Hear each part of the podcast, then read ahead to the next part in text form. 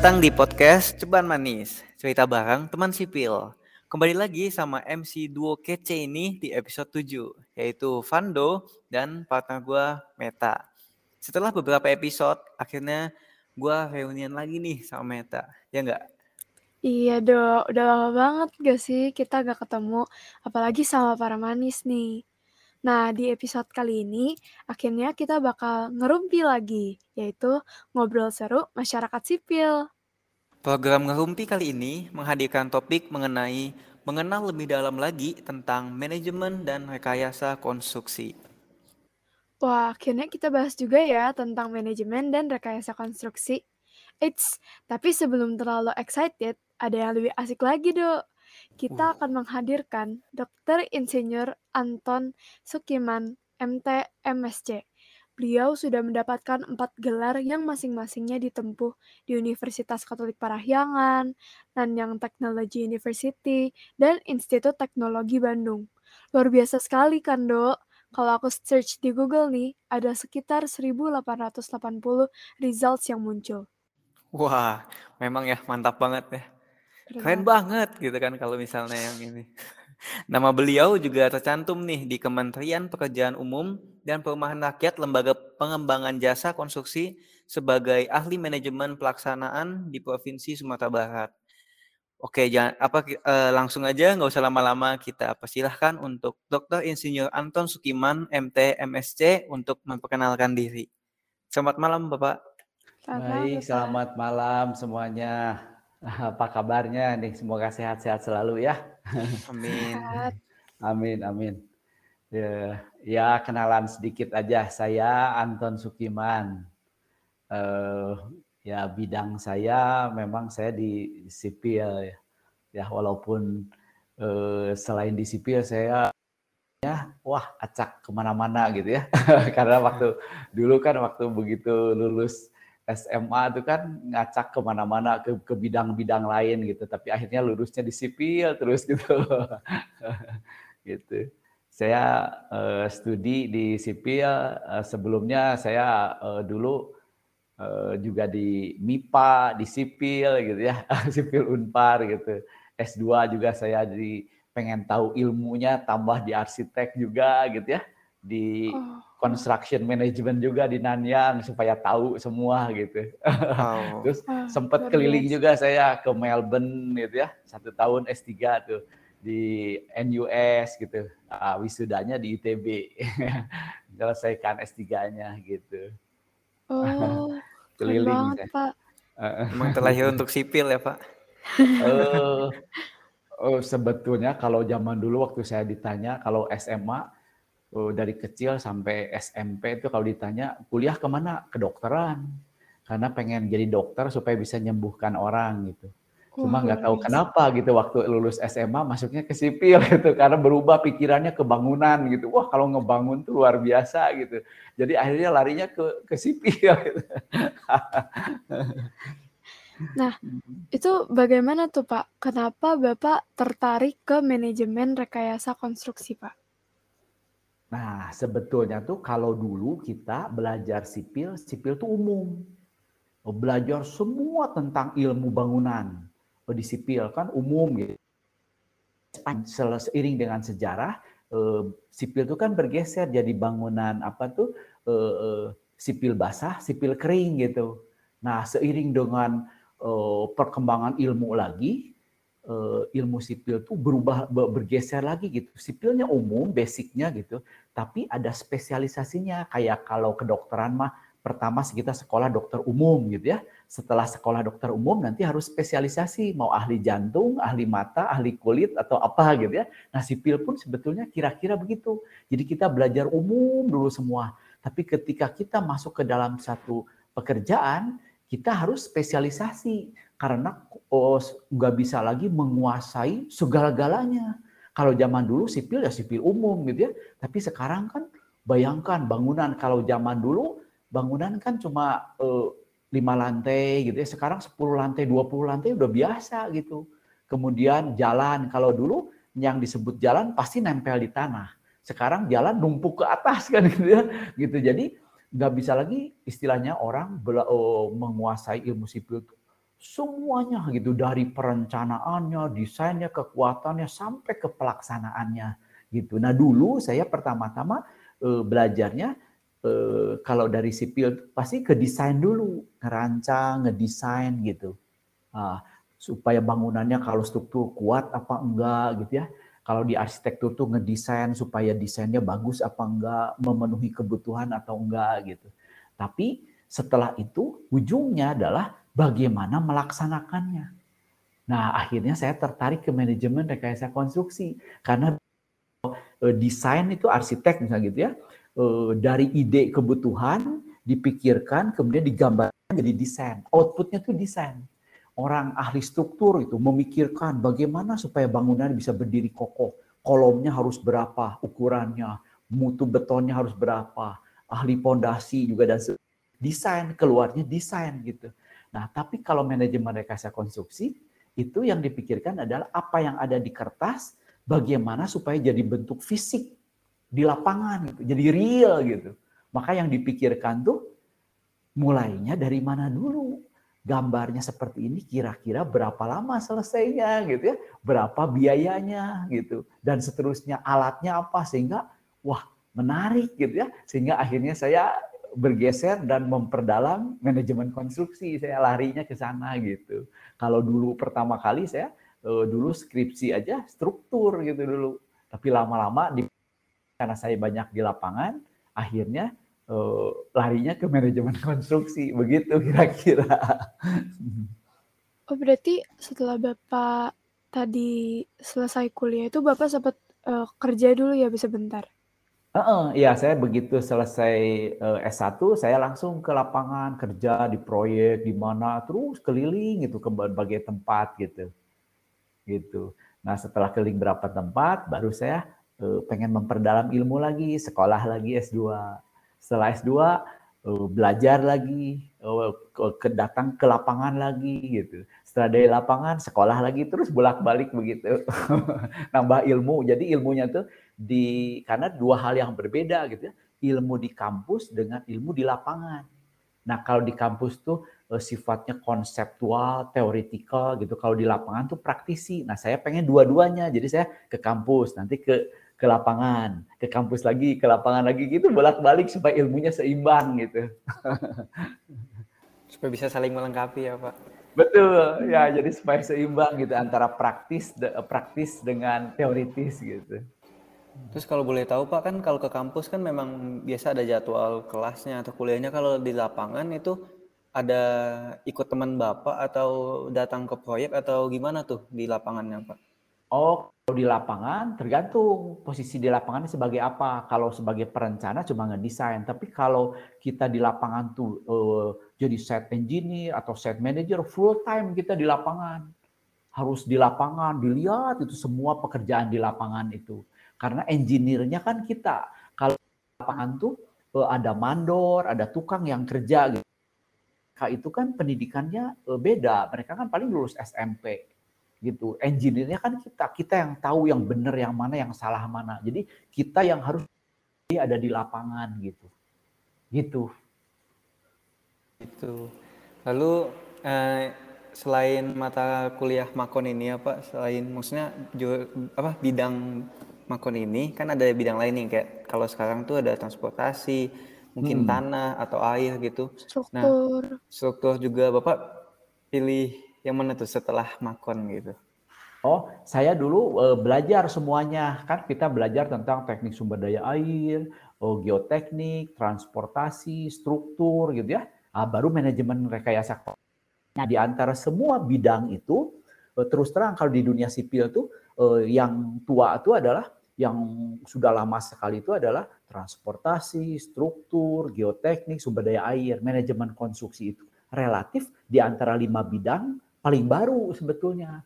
Itu tuh kalau nggak salah tuh berdiri tahun eh, tahun 2005 tuh eh, ulang tahun lima pendidikan manajemen rekayasa konstruksi di Indonesia tahun 80-an berkembangnya kalau nggak salah tuh eh, manajemen rekayasa konstruksi itu. Tapi sebelumnya oh, struktur, transport, sumber daya air, geoteknik gitu. Jadi MRK tuh memang kalau di sipil tuh uh, relatif bidang yang mungkin ya di antara semua uh, KBI lain tuh yang paling baru gitu. Jadi dulu saya belajarnya yang lain-lain dulu, struktur dan seterusnya. Nah setelah itu baru saya ke manajemen rekayasa konstruksi gitu. Nah kalau sekarang sepertinya ya bidang itu sama semua gitu ya, walaupun sebetulnya eh, itu tadi eh, cara kerja di lapangannya berbeda gitu konsepnya gitu antara bidang-bidang itu gitu. Kalau Jadi, dari Bapak sendiri, Bapak paling suka yang mana nih di antara semua KBI-nya? Kalau sekarang saya manajemen rekayasa konstruksi saya. Selain manajemen rekayasa konstruksi, ada lagi gak yang Bapak suka? Nah, kalau soal suka, saya suka semuanya. Karena oh, saya harus tahu persis. Misalnya struktur, saya harus tahu persis gitu ya. E, apa tuh? E, misalnya besi beton, besi ulir sama besi polos. Apa bedanya?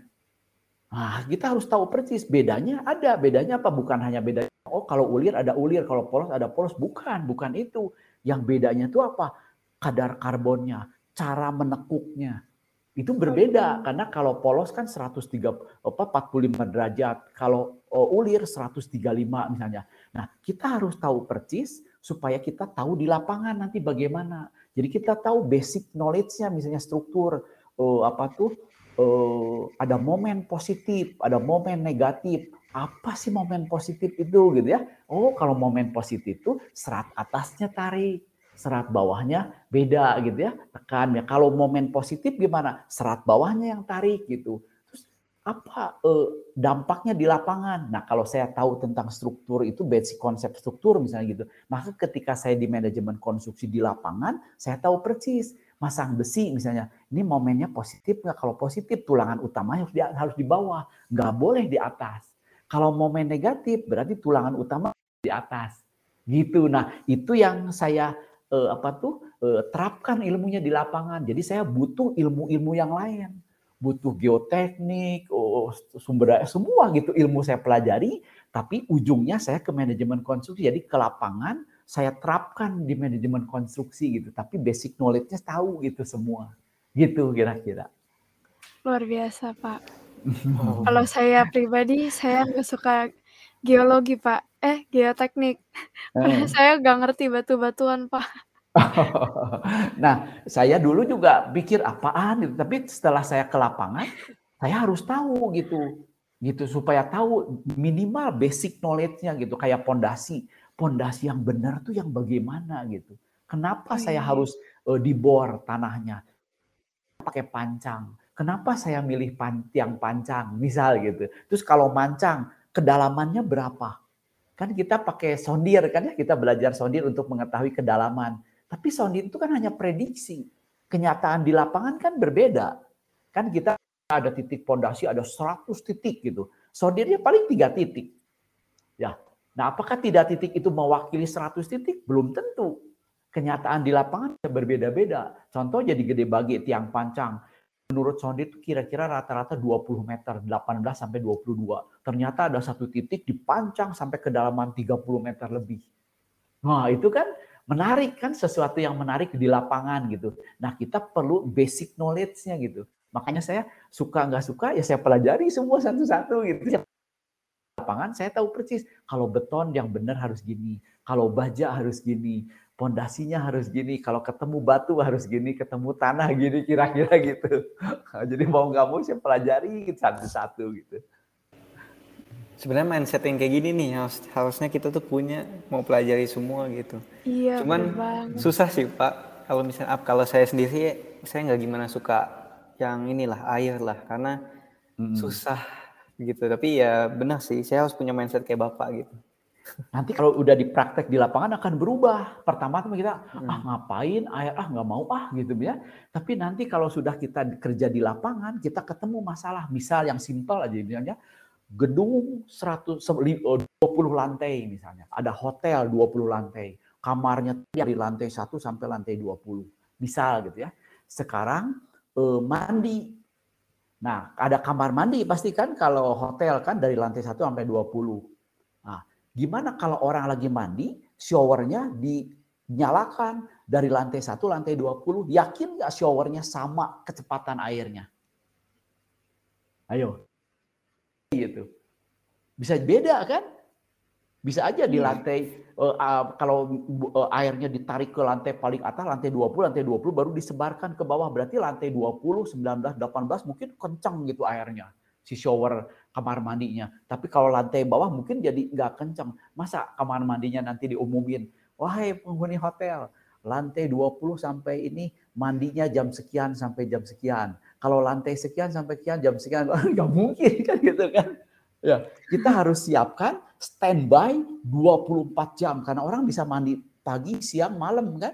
Nah, kita harus Iya. berpikir gimana air mengalir sama ke semua kamar hotel. 20 lantai misalnya gitu. Kan jadi menarik kan gitu ya. Tadinya kita nggak mau belajar akhirnya jadi oh iya ya gimana caranya? Jadi akhirnya tertarik belajar gitu. Nah, itu ketemu di lapangan tuh kadang-kadang tantangan bagi kita membuat kita jadi pengen tahu gitu. Nah, itu kira-kiranya gitu. Jadi mendorong kita belajar yang tadinya kita nggak mau, jadi akhirnya wah ini perlu diketahui nih gitu. Jadi kita pernah belajar ke sana gitu. Setuju, setuju Pak. Lalu sekarang mau nanya lagi tentang gimana pengalaman Bapak selama kuliah nih di bidang manajemen rekayasa konstruksi. Eh, mungkin ceritain S1 dulu, lalu mungkin S2, lalu mungkin juga bisa sukanya gimana, dukanya gimana gitu Pak. Hmm, ya, kalau S1 dulu terus terang tadi saya sampaikan gitu ya. Zaman dulu tuh eh, dosen-dosen seniornya tuh pasti yang ada tuh di bidang struktur, transport, air, geoteknik gitu. Kalau manajemen rekayasa konstruksi itu hampir nggak ada, jarang sekali. Ya. Sekarang juga sama kan ya. Eh, coba eh, di Unpar profesor di transport ada profesor, di air ada profesor, di geoteknik ada profesor, di struktur ada profesor, MRK ada profesor nggak ada.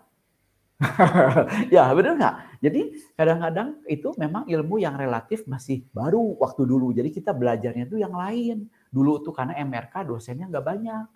Dan sekarang eh, doktor di bidang MRK di seluruh Indonesia gitu, itu pun paling sedikit dibandingkan dokter di bidang-bidang yang eh, tadi transport, struktur, geoteknik gitu. Walaupun sekarang tambah tambah banyak, tambah banyak, tapi itu sedikit gitu, gitu ya. Karena mungkin ilmunya relatif eh, baru gitu. Tapi ya dulu pertama-tama ya kita belajar yang lain gitu.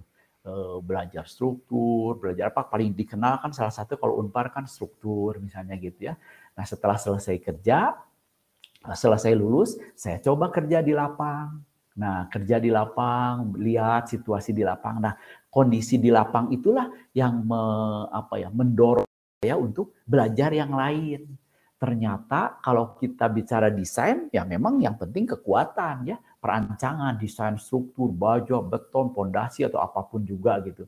Tapi ketika kita ke lapangan memanage proyek, maka yang dipikirkan itu bukan desain lagi gitu, karena desainnya kan udah ada. Yang kita pikirkan adalah bagaimana apa yang ada di kertas desain, digambar, itu jadi bentuk fisik di lapangan. Maka yang dipikirkan oleh kita adalah bagaimana metode kerjanya. Mulainya harus dari mana, berapa lama schedule-nya, dan sebagainya. Nah itu semua adalah metode konstruksi, manajemen konstruksi, memanage orang, siapa yang kerjanya, berapa orang yang kerjanya. Sedangkan yang kerjanya tukang dan mandor yang sekolahnya tidak tinggi.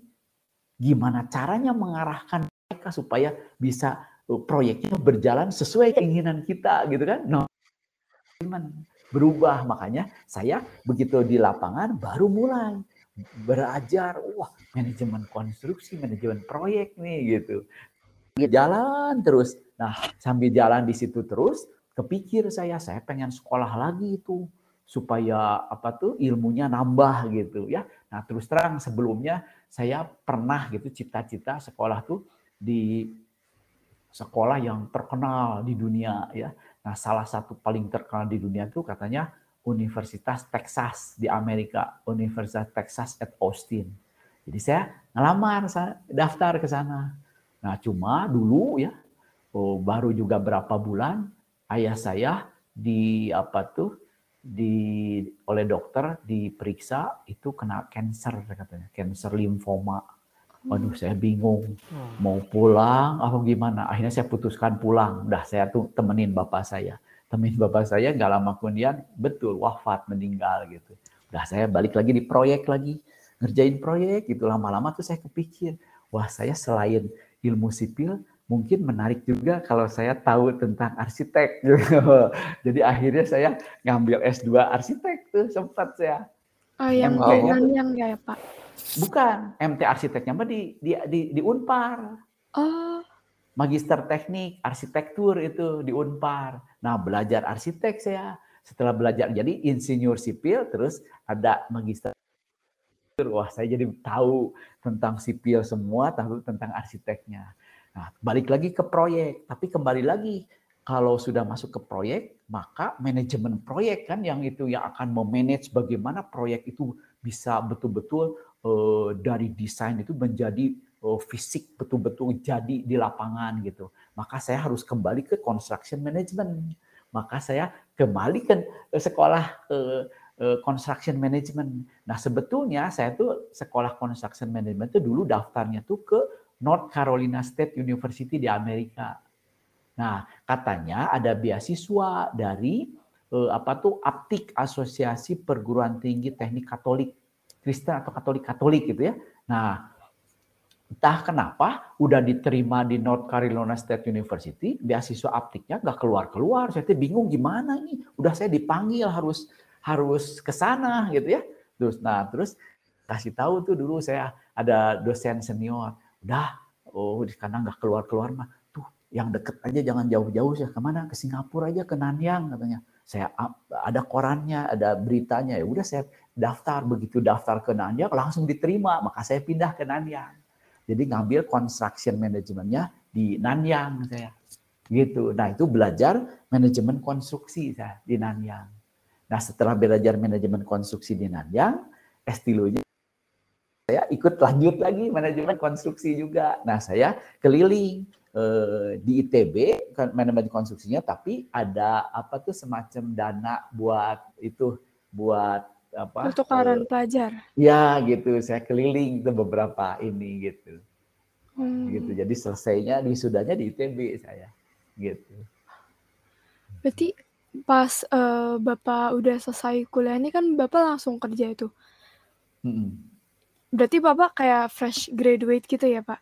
Uh, sebetulnya kerjanya setelah S1 langsung kerja saya, begitu lulus S1.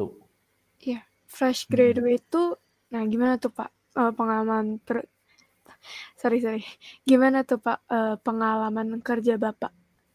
Oh, waktu pertama fresh graduate itu saya di langsung diterjunkan ke lapang suruh ngawasi di lapangan. Jadi saya belajar gitu, ada apa di lapang sebetulnya gitu.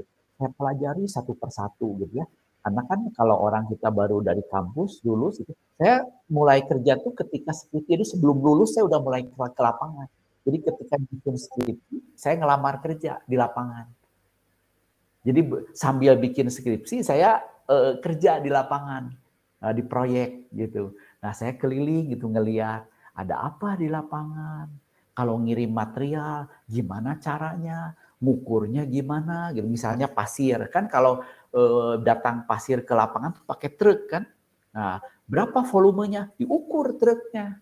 Panjang truk, lebar truk, terus pintunya dibuka, tingginya berapa, keluar volumenya.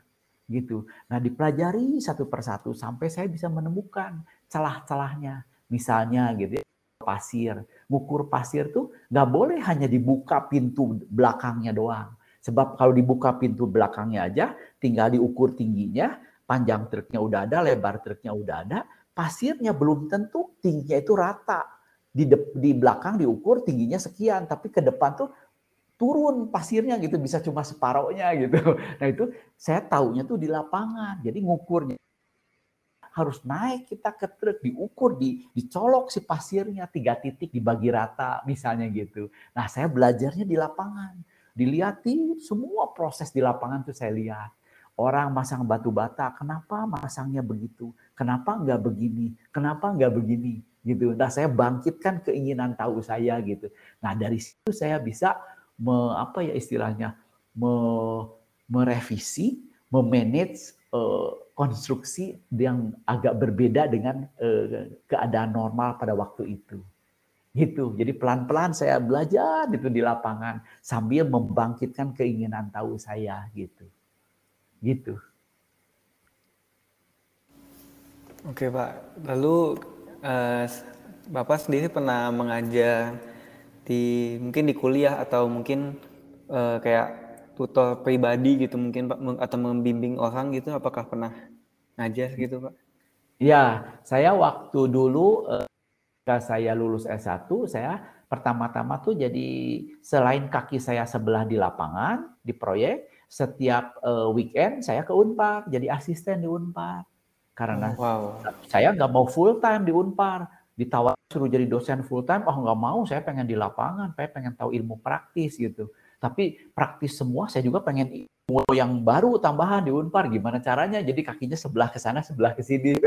Nah gitu. Nah cuman setelah saya apa e, bertahun-tahun itu jadi asisten akhirnya tahun berapa tuh ya saya diminta sama Unpar dulu dari orang yayasan sana mau nggak anda oh, jadi dosen di Unpar nah saya waktu itu e, kebetulan tahun berapa tuh saya e, ikut tender proyek pembangunan gedung rektorat Unpar yang di depan ada ya gedung rektorat kan? Iya ada pak. Nah itu dulu tender saya yang menang. Nah saya kerjakan oh. sampai selesai. Setelah selesai itu orang yayasan bilang sekarang kamu harus jadi dosen tetap Unpar. Waduh, Aduh, ya udah, boleh saya jadi dosen, tapi kaki saya pengen tetap di lapangan. Saya bilang tuh boleh nggak saya jadi sambil ngajar, tapi tetap saya sediain waktu buat di lapangan. Karena saya pengen uh, ilmunya tuh antara teori dan praktek tuh seimbang. Oke, okay, gitu ya. Udah saya jalanin aja. Maka sampai sekarang saya dosen di Unpar.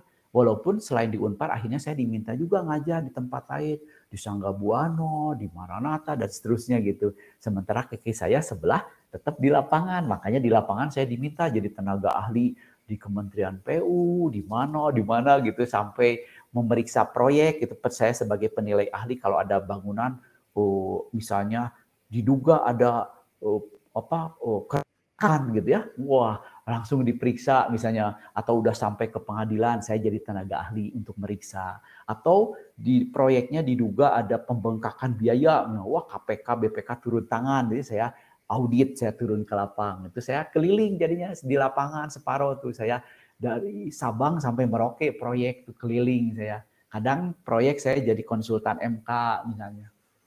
Bahkan saya punya perusahaan kontraktor, saya kerjain proyeknya misalnya gitu. Tapi sebelah kaki lagi saya di Unpar, ngajar terus di Unpar gitu di S1, di S2, di S3 gitu. Jadi saya punya ilmu yang seimbang antara praktisi sama akademisi gitu. Wow. Lalu pengalaman ngajarnya tuh gimana tuh Pak? Lebih Kalau, enak ngajar atau langsung terjun lapangan aja gitu?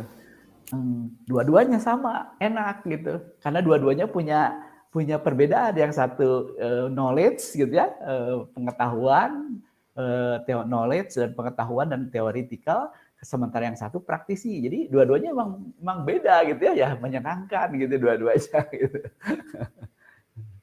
Ya, kelihatan sih Pak, Bapak kayak enjoy banget gitu ngejelasin ke kita gimana sih uh, mm-hmm. dunia manajemen dan rekayasa konstruksi gitu. Mm-hmm. menurut Bapak sendiri uh, gimana sih prospek kerja di ruang di ruang lingkup manajemen dan rekayasa konstruksi? Uh, sebetulnya kalau kita lihat sekarang gitu ya, uh, dunia sipil itu memang uh, begitu orang lulus teknik sipil kerja sekarang, kerjanya di mana? Di sipil semua nggak? Sebetulnya enggak. Ya betul nggak? Alumni teknik sipil yang kerja di sipil paling separuhnya, separuhnya di bidang lain. Tapi apakah salah? Enggak juga, kan tergantung enjoy-enjoy orang ya. Uh, mahasiswa lulusan sipil, mahasiswa saya aja jangankan atau yang uh, kakak kelas saya juga ada ya. Sipil tuh direktur bank BCA sipil. Ya, yang di HSBC ada orang sipil. Direktur bank ada sipilnya. Sekarang Grab aja. Nah, itu siapa CEO Grab? Sipil Unpar kan? Oh, saya baru tahu. Oh, baru tahu. Iya, teman itu. Sipil juga. Terus mana lagi? Dulu uh, apa tuh uh, uh, apa ya rumah makan tuh, rumah makan apa yang itu tuh, the cost misalnya, itu kan sipil unpar. Oh, Ya, wow. jadi sebetulnya gitu, kalau sipil ya mau ke mana aja bebas gitu kan, happy happy aja nggak ada salah gitu. Artinya apa? Kalau bisa dia dia bisa bergerak ke mana-mana, berarti basic knowledge-nya tuh bagus. Jadi kalau kita kuliah itu sebetulnya kita anggap sebagai eh, kita belajar cara berpikir, cara menyelesaikan masalah gitu. Setelah itu mau kerja ke bidang apa terserah gitu. Nah, kalau eh, enjoy di bidang sipil, ya di sipil, di sipil terus gitu. Nah, gitu misalnya ya, banyak yang di sipil juga gitu kan ya. Orang yang di sipil sekarang dan sipil itu bukan lagi dunia maco kan kalau dulu asumsi kalau sipil itu pasti laki-laki gitu ya. Sekarang enggak laki perempuan gitu. Saya sampai ke Papua aja nemu engineer perempuan. Nah, contoh lagi itu MRT eh, salah satu eh, CEO MRT kan tahu nggak siapa? Sylvia Halim kan? Itu adik kelas saya waktu di Nanyang. Itu CEO MRT Jakarta itu minus 9 meter di bawah tanah. Kalau MRT kan di terowongannya di minus 9 meter di bawah tanah kan di Jakarta. Perempuan gitu. Wah, Jadi luar sekarang biasa banget. udah nggak apa tuh nggak laki nggak perempuan lagi. Dan eh, apa tuh kalau tadi bilang prospek menarik juga gitu di sipil sekarang karena bangunan kan banyak sekarang. Ya, kebutuhan pembangunan gitu. Ya, beda dengan di negara lain. Kalau di negara lain seperti di negara yang sudah super power Jerman gitu, ngebangun nggak? Apa yang mau dibangun orang udah ada semua gitu. Tapi kalau Indonesia masih ngebangun terus gitu. Karena kebutuhannya makin banyak. Kalau kita kan penduduk masih banyak. Yang belum punya rumah masih banyak. Jalan-jalan sampai ke pedalaman ada yang belum gitu. ya. Jadi proyek masih banyak gitu ya. Jadi eh, apa tuh eh, lapangan kerjanya mestinya masih banyak gitu ya. Walaupun Iya. sekarang memang eh, COVID kan ya. Nah ini yang jadi problem. Turun kan semua gitu karena eh, dana uang eh, lebih banyak kesedot ke pengobatan kan ya. Gitu. Ke COVID ke biaya oh ini oh, apa vaksin segala macam sehingga biaya untuk pembangunan memang suka tidak suka ah, menurun gitu ya. ya tapi itu semua bidang kan ya. Tapi kalau secara umum mestinya gitu ya eh, itu eh, masih eh, menarik gitu mestinya gitu. Oke. Eh, sebenarnya pas saya dengar kaget dan juga kagum sih sebenarnya Pak. Relasi Bapak juga banyak banget ya. Iya. kebetulan yang kalau relasi kebetulan gitu ya kebetulan mungkin memang apa ya memang pas udah waktunya barangkali ya waktunya karena teman saya kalau sipil mah itu tadi ya kalau sipil mah eh, beberapa di antaranya itu kan kalau kita bicara sipil sekarang kalau sipil itu ada kontraktor kan ya kalau kontraktor itu dibagi BUMN sama eh, swasta. Kalau BUMN kan pasti orang begitu mendengar BUMN pasti Hutama Karya, Waskita Karya, PP, Adikarya kayak gitu pasti kan ya. Hmm. Itu pun semua ada alumni Unparnya. Gitu. Apalagi Unpar itu kan kerjasama, terutama S2-nya kan dulu kan eh, sejak 20 tahun yang lalu, tahun 2004 kalau nggak salah tuh. Itu tuh ada kerjasama antara PU dengan Unpar khusus untuk bidang manajemen konstruksi. Jadi pegawai PU dari Sabang sampai Merauke diseleksi setiap tahun tuh dikirim 15 pu- eh, orang sampai 20 orang ke Unpar untuk bidang manajemen konstruksi. Kalau untuk eh, sumber daya air di ITB kalau nggak salah, transportasi di UGM kalau nggak salah. Jadi semua negeri satu-satunya swasta tuh Unpar dan bidang manajemen konstruksi yang ke Unpar gitu. Nah sehingga kita punya alumni kan bayangkan 20 tahun yang lalu itu hampir berapa? 15 tahun, 16, 17, 18 tahun yang lalu. Alumni kita dari Sabang sampai Merauke ada semua. Gitu. Ya, alumninya gitu. Eh, di pega, di apa di yang kerja di BUMN banyak gitu. Terus kalau kita bicara swasta, nah ini orang kaget pasti ya. Kalau bicara swasta, gede, bisa disebutin nggak kontraktor gede siapa? Kontraktor apa aja coba?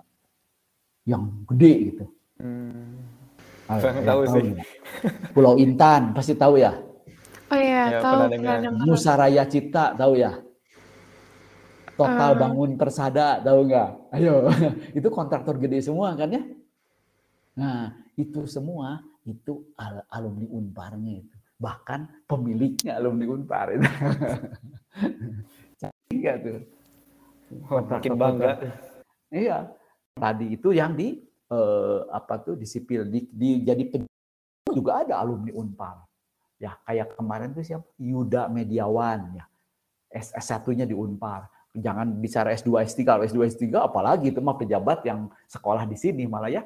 Ini mah yang S1-nya di Unpar itu ada tuh. Dulu tuh siapa? Yuda Mediawan kalau nggak salah. Itu sipil Unpar S1-nya itu di Kementerian PU tuh. Itunya sekarang kerjanya gitu. Ya, jadi uh, alumni Unpar tuh innya luar biasa gitu. Uh, kalau bicara sipil gitu. Tapi kalau bicara angkatan, saya tuh uh, senang gitu ya. Uh, kenapa? Karena dulu saya sebelum masuk ke S1, saya tuh sempat dulu kan saya TK, SD, SMP di swasta terus gitu. Di Bandung. Begitu selesai lulus, masuk masuk mau masuk ke SMA, uh, pasti pikirannya SMA swasta lagi yang paling uh, bagus di kota Bandung gitu ya. Oh, nggak sebutin namanya gitu ya. Oh, pasti daftar ke sana. Tapi ada uh, salah satu guru saya mengatakan jangan cuma di swasta aja, sekali-sekali ke negeri. Negeri mana saya? Saya belum pernah dari TK sampai SMP saya di swasta terus. Ya ini coba SMA-nya SMA Negeri 3 Bandung gitu. Di Jalan Belitung. Ada tahu nggak? Hmm, tahu tahu. Wah, cobain ya. Udah saya cobain di sana. Wah, ternyata benar alumninya luar biasa. Ridwan Kamil juga kan alumni SMA 3. Direktur eh, apa Garuda sekarang Irfan Setia Putra saya nyebutnya Ayah gitu ya itu alumni SMA 3 terus direktur oh. salah satu pimpinan eh, itu apa eh, Pertamina Adianusa itu teman juga tuh terus salah satu bos yang di apa selam bersih juga sama SMA 3 juga ternyata ada menariknya juga gitu ya sekolah tuh ya gitu jadi teman sekolah tuh jadi wah beragam gitu ke mana-mana gitu Wow, saya dengar ini semua jadi ini ya. Jadi bangga saya kalau saya di Unpar sipil. iya. Wah, alumni Unpar itu luar biasa itu. Dari Sabang sampai Merauke ada semua. Bahkan sampai ke luar negeri. Iya. Oh. Sungguh luar biasa. Iya. Oke, Pak. Jadi untuk pertanyaan terakhir nih ya, Pak. Saran apa yang bisa Bapak kasih untuk teman-teman manis nih yang nanti mau minatnya tuh ke manajemen rekayasa konstruksi nih? Nah, eh, yang paling pokok tuh pertama, pelajari seluruh basic knowledge sipil. Ya, mau kalau kita mau ahli di bidang manajemen konstruksi, kita tetap harus tahu teknik struktur, transportasi, geoteknik, sumber daya air, semua basic knowledge-nya harus tahu. Seperti yang tadi saya katakan kayak uh, tulangan, momen positif, negatif, dan seterusnya. Kita harus tahu campuran aspal, bedanya apa dengan campuran beton, dan seterusnya. Ketika kita mau menerapkan manajemen konstruksi, kita tahu yang benarnya tuh yang mana, yang bagusnya tuh yang bagaimana.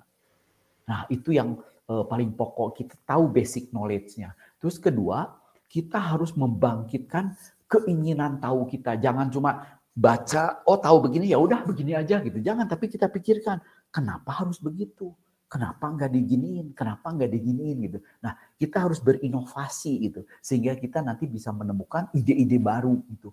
Oh gimana kalau diginiin aja, oh gimana kalau diginiin aja. Misal gitu ya, contoh misalnya ya, pasti pernah belajar apa ya, koefisien harga pernah belajar belum? Pernah Pak, pernah. Hmm itu untuk menghitung uh, volume kan, volume apa uh, harga satuan.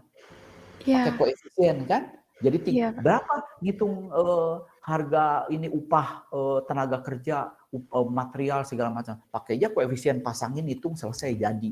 Udah kan begitu ya selesai kan? Nah, kalau saran saya jangan cuma berhenti di situ.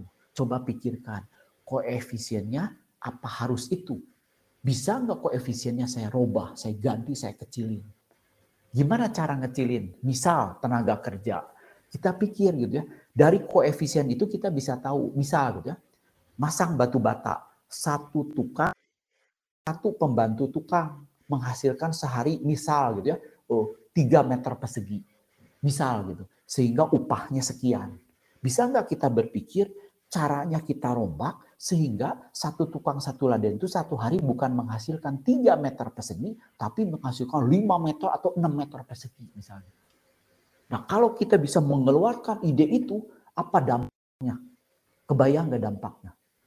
Bayangkan gitu ya, orang tukang misalnya gajinya sehari 100 ribu. Pembantu tukang gajinya 75 ribu. Misal gitu ya, sehari hasilnya 3 meter persegi kalau dia bisa menghasilkan 5 meter persegi sehari, apa yang terjadi? Pertama, gajinya saya naikkan. Misal naikannya nggak usah jauh-jauh, 10 persen aja. Dari 100 ribu jadi 110. Kita jangan melihat angka 10 ribunya, persentasenya 10 persen. Kebayang nggak kalau orang gajinya naik 10 persen? Kan wah senang sekali gitu kan ya. Nah, selain gajinya naik, apa yang terjadi? Proyeknya tambah cepat selesainya Nah selain proyeknya tambah cepat apa yang terjadi? Kan biayanya lebih murah kan, maka kontraktor iya. untungnya lebih gede. Selain untungnya lebih gede, sebagian keuntungnya kembaliin ke owner. Jadi orang ngebangun biayanya lebih murah. Kalau itu baru masang batu bata aja, misalkan bisa lebih murah 10%.